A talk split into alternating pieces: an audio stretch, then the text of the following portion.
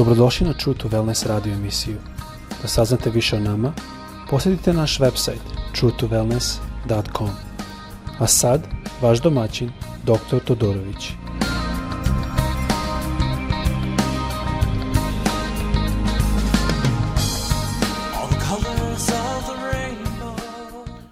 Ljubazni, dobar dan i dobrodošli na naš podcast. Radimo ga odavde iz Floride da je polako sada vrućina prestaje, dalje negde 28 stepeni, tako već je sada um, to doba da počinje više da se hladi. Ali a, bez razlike mnogo puta dok razmišljam o podcastu, razmišljam o kako li je to bilo vreme dok su apostoli živali, vreme dok je Isus bio na zemlji, možda vreme posle Isusa, ali dok su još apostoli bili tu. Mnogo puta pokušam shvatiti kako li je to izgledalo, kako li je to bilo, kako bi se to danas osjetilo, šta bi danas rekli da smo to doba. Ali danas bi želio da se fokusiram specifično na jedan odgovor koji su apostoli dali kad su ih pitali ljudi, kada su vođe religiozne njih osuđivali. To zvuči poznato, to se dešava. Ne samo u Srbiji, to se dešava suda. I ovde imamo vođe, ovdje čak više mnogo puta u Americi imamo i vođe koji kažu da su naše crkve ili kažu, kažu da su iz evangelske crkve, a u stvari ne vidi se ta vatra, ne vidi se taj žar. Tako da moramo uvek biti spremni da razumemo kako je to bilo to doba i kako se to povezuje danas. Danas bih želao da više govorimo o šta znači ime Isusa. Vrlo jedna kratka, kratki pogled da kažem na tela apostolska četvrta glava, 11. i 12. stih. Ako imate bili u blizu, mogli bi i da pogledate Znači, dela apostolska četvrta, četvrta glava, 11. i 12. stih. Ako nem, nema brige, ja ću pročitat. Ali prema što pročitam, volo bi da saslušamo jednu pesmu. Malo da dozvolimo da kroz slavljenje njegovo ime isto bude podignuto. I posle toga mislim da bi bilo dobro malo da pogledamo njegovu reč. Šta nas njegova reč uči i što možemo naučiti iz njegove reči. Ajmo slušati pesmu.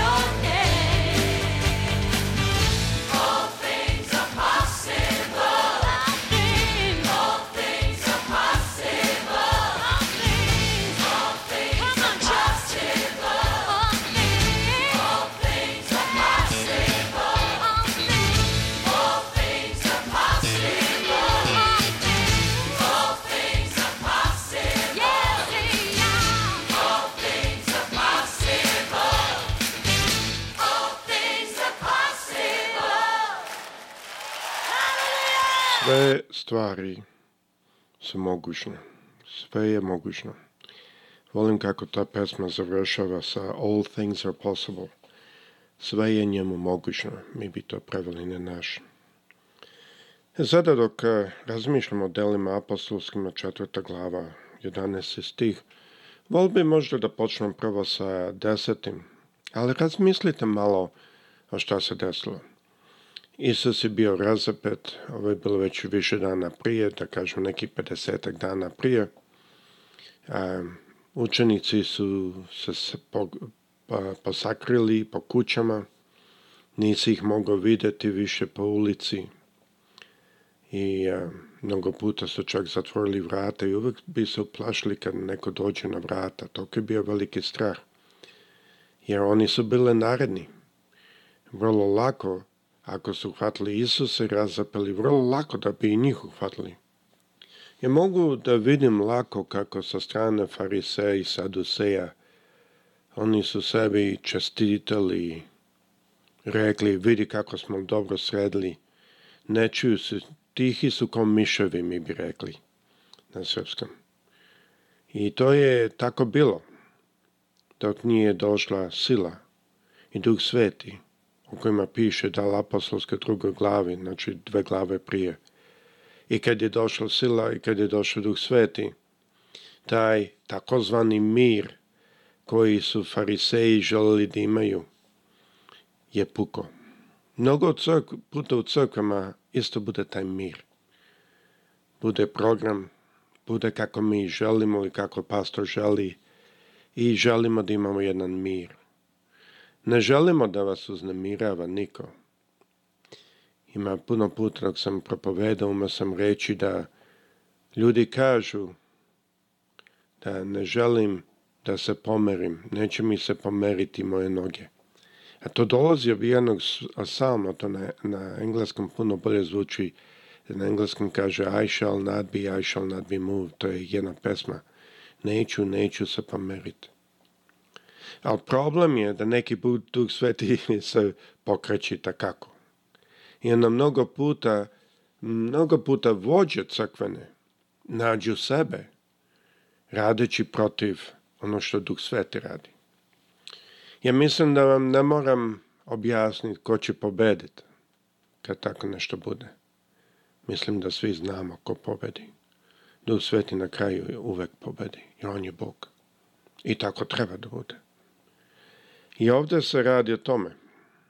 To je, to je da kažemo, ti učenici koji su mislili fariseji da su ih sredili, da su ih učutali, odjedanput su oni ustali, 3000 ljudi se je obratilo, čemu vidimo u dela apostolska druga glava, a sada oni idu okolo, propovedaju, idu puni silom i ovde što se desilo je, iscelenje se desilo nekoga koga su svi poznavali. Svi su znali ko je taj. E druga, kad nam neki put dođe neki propovednik i do, dođe neko s njim i onda bude iseljen. Neki put smo im pitamo, pogotovo ovde u Americi, koliko puta je taj čovjek iseljen od iste stvari.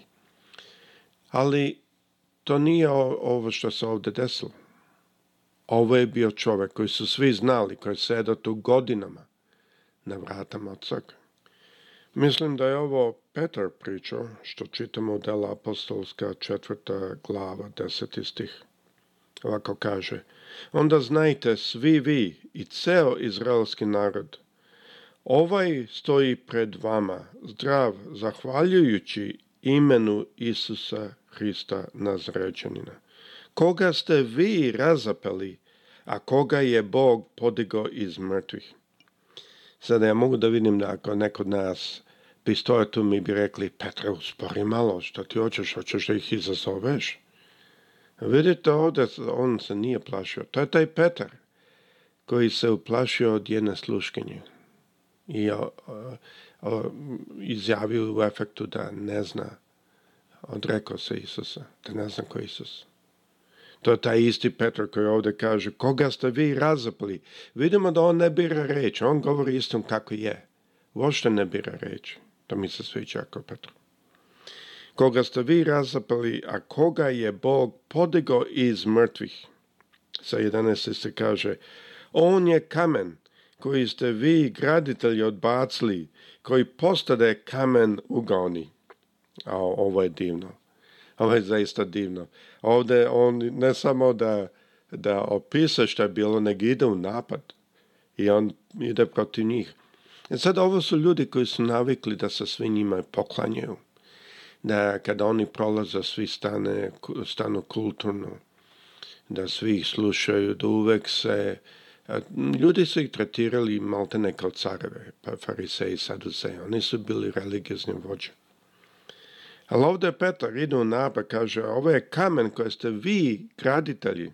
On ostavlja ovdje ništa e, za, za imagination, za maštu. On vrlo jasno objašnjava koji postade da kamen ugoni. Mislim da je jako bitno da shvatimo Isusa su odbacili tadašnje verske vođe i on im to kaže. E sada, da li je to išta danas drugačije? Mi imamo mnoge dobre pastore u mnogim crkvama i ja surađujem sa mnogim tim pastorima. Ali ja ne sarađujem sa svima i ne, ne vezujem se ni za jednu denominaciju, ali ne sarađujem sa svima. Zašto? Zato što nalazim na ima neki pastor koji zaista voli Isusa i prate ga. A ima drugi kojima je to posao. I ja sam siguran da oni rade svoj posao. I da su oni dobre sluge. Ali ja volim surađivati sa sinovima, ne sa slugama. Mislim da svačate što ja mislim. Gorske vođe dana su mislili da znaju sve. Nemojte zaboraviti kad su fariseji i saduseji hodili, ljudi su im se poklanjali, sklanjali sa puta, tretirali kao da su oni nešto specijalno. I to je donalo do jednog ponositosti, do jednog, a vidi kako sam ja važan, kako sam ja bitan. A Isusova filozofija i Isusovo učenje – I kad kažem filozofija, nemojmo pogrešno razumjeti. Reč filozofija ne znači da samo neko filozofira, to je kako mi na srpskom rekli prazne, eh, lomi praznu slamu. Ne misli sam to. Filozofija je čitav jedan način razmišljanja. Isusova filozofija, ili to jest duh Isusovog učenja, traži poniznost. Oni nisu to mogli dobiti pa poprimiti, jer su bili ponositi. Mnogo puta se pitam da li je to išto drugčije danas i svaki put dođem na isti odgovor. Nije. Isus je onaj koga su odbacili zato što nisu ga mogli prihvatiti. A on je postao kamen temeljac. U efektu to je zid koji nosi kuću. Danas bi mi rekli supporting wall na engleskom zid koji podržava kuću ima, ne znam da li vi znate, ali ima u kući neki zidovi koji ne smeju da se ruši, inače će kuća pasti. Um, to je postao Isus. A zid na kome stoji kuća. To je taj Isus koga su odbili. E sada 12. stih kaže ovako, i nema spasenja ni u kom drugom, jer ljudima nije dato ni jedno drugo ime pod nebom kojim treba da se spasimo. Mislim da vrlo jasno ovdje da objašnjava. Mi smo imali jednog što je došao u crkvu i rekao, pa zašto stalno govorite o Isusu? Zašto govorite stalno njemu? Mislim da on dolaze od jehovnih svedoka i onda oni ne veruju, oni vide Isusa malo više nego anđela, što uopšte nije biblijski. Isus je razlog zašto su hrišćani gonjeni. Zato što Bez Isusa hrišćani imaju samo religiju. I religija ne smeta đavolu. Đavolu smeta sila.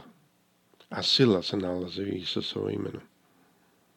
Tako da moramo to razumeti. Ako mi izvadimo, iznesemo Hrista iz naše službe, iz naše crkve, iz na, našeg, onda šta imamo? Ima samo religiju a onda nema ni konflikta, nema sukoba. Zašto? Zašto što onda đavo ne napada, mi njemu ne smetamo. Kao mnogi registrovane crkve ne smetaju, jer da bi bili registrovani, oni morali su da se slože da ne propovedaju puno Isusu, nego da propovedaju dobre stvari o zemlji, ako razumete. I gotovo. Đavo više nema problema s tim. Ali ako nemamo Hrista, da vas pitam onda, onda šta imamo? Ako mi nemamo Hrista, onda šta imamo? Ako mi ne govorimo o Hristu, o kome govorimo? Ako ne propovedamo Hrista, onda koga propovedamo? Zato je Hrist jedino ime koje je dano ljudima i da nema drugo ime pod nebom kojim treba da se spasne. Da su sa svim vama.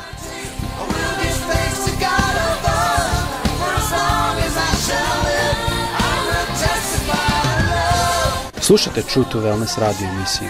Pridružite nam se ponovno. Za kontakt molimo posjetite naš website truetowellness.com. Naša e-mail adresa je info at truetowellness.com.